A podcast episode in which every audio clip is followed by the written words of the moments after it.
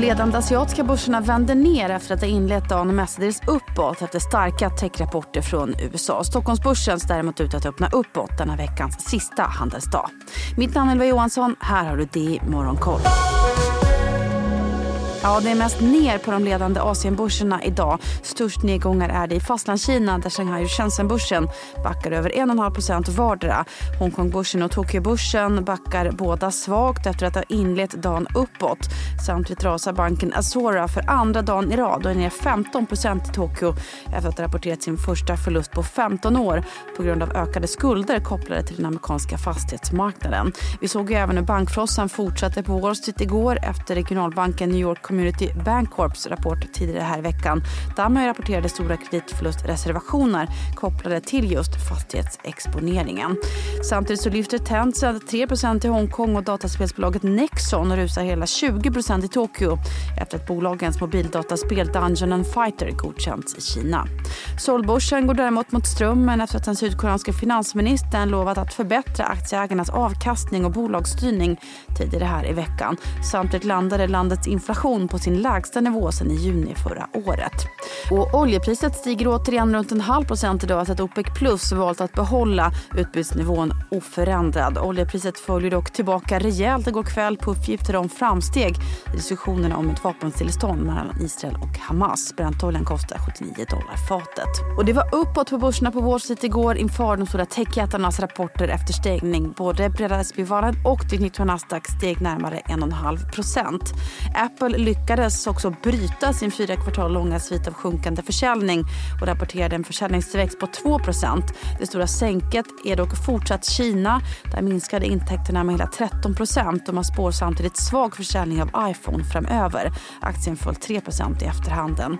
Facebook-ägarbolaget Meta rusade däremot hela 15% i efterhanden efter att ha överträffat vinstprognosen med råge och tredubblat sitt resultat till 5,33 dollar per aktie. Man meddelade samtidigt sin första utdelning utdelning någonsin på 50 cent per aktie och utökar samtidigt sitt aktieåterköpsprogram. Även näthandelsjätten Amazon lyfter rejält i efterhanden och upp hela 7% efter att ha redovisat både högre resultat än väntat och en försäljningsökning på hela 14% Under ordinarie handelstid så backade Husqvarna-konkurrenten Stanley Black Decker 1,5% efter att ha lämnat en svag prognos för 2024 och spått lägre sålda volymer av utomhusverktyg i sin rapport. Bortom rapporterna så rasade Polestar 15 Eh, efter att Volvo Cars eh, meddelat att man överväger att se över innehavet i elbilsbolaget. Det är annars små rörelser på valutamarknaden och den amerikanska tioårsräntan är ner tre punkter under morgonen idag till 3,88 procent i väntan på den viktiga amerikanska jobbrapporten om farm payrolls i eftermiddag där förväntan ligger på 180 000 nya jobb i januari. Även om Fed-chefen Ron Powell tidigare här i veckan sagt att en räntesänkning redan i mars inte är särskilt trolig så skulle ett oväntat svagt utfall i dagens jobbrapport ändå kunna öka marknadens förväntningar om en sänkning redan i mars. Just nu så ligger förväntan på under 40 procent enligt TMI Fedwatch Tool. Och så till Sverige där vi fått ett gäng rapporter. Trädgårdsutrustningsbolaget Husqvarna gör en större förlust än väntat på 983 miljoner kronor. Omsättningen kom in i linje med förväntan på 8,3 miljarder varav den organiska försäljningstillväxten på minus 15 procent vilket var något bättre än väntat. Utdelningen lämnas oförändrad på 3 kronor per aktie. Teknikkonsulten Afrys rörelseresultat på 501 miljoner kronor var bättre än väntat. Det var även omsättningen på 7,1 miljarder. Debiteringsgraden uppgick till 73,6 6 och utdelningen lämnas även den oförändrad på 5,5 kronor per aktie vilket dock är lägre än väntat. Även Trelleborg, Electrolux, Peab och många, många fler öppnar upp böckerna idag. Ni har såklart intervjuer med bolagens vd och analyser i Rapportmorgon som idag drar igång klockan 8 och i Börsmorgon 8.45. Ett bolag som släppte sin rapport i förra veckan är ju AB Volvo som nu meddelar att man slutfört förvärvet av batteriverksamheten från Proterra för 2,2 miljarder kronor kvinnor. Mitt namn är Ylva Johansson. Du har lyssnat på Det i Morgonkoll som är tillbaka igen på måndag.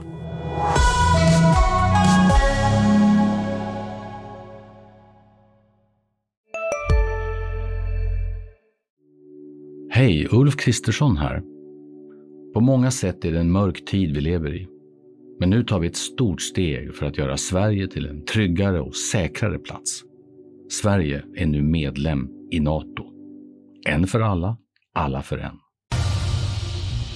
Expressen gör varje vecka podden Politikrummet där vi djupdyker i det senaste och viktigaste inom svensk politik. Med mig, Filippa Rogvall, som programledare tillsammans med mina vassa kollegor. Och det är ju ni som heter Thomas Nordenskjöld, Anette Holmqvist och Viktor Bartkron. Politikrummet kommer med ett nytt avsnitt varje tisdag. Vi hörs.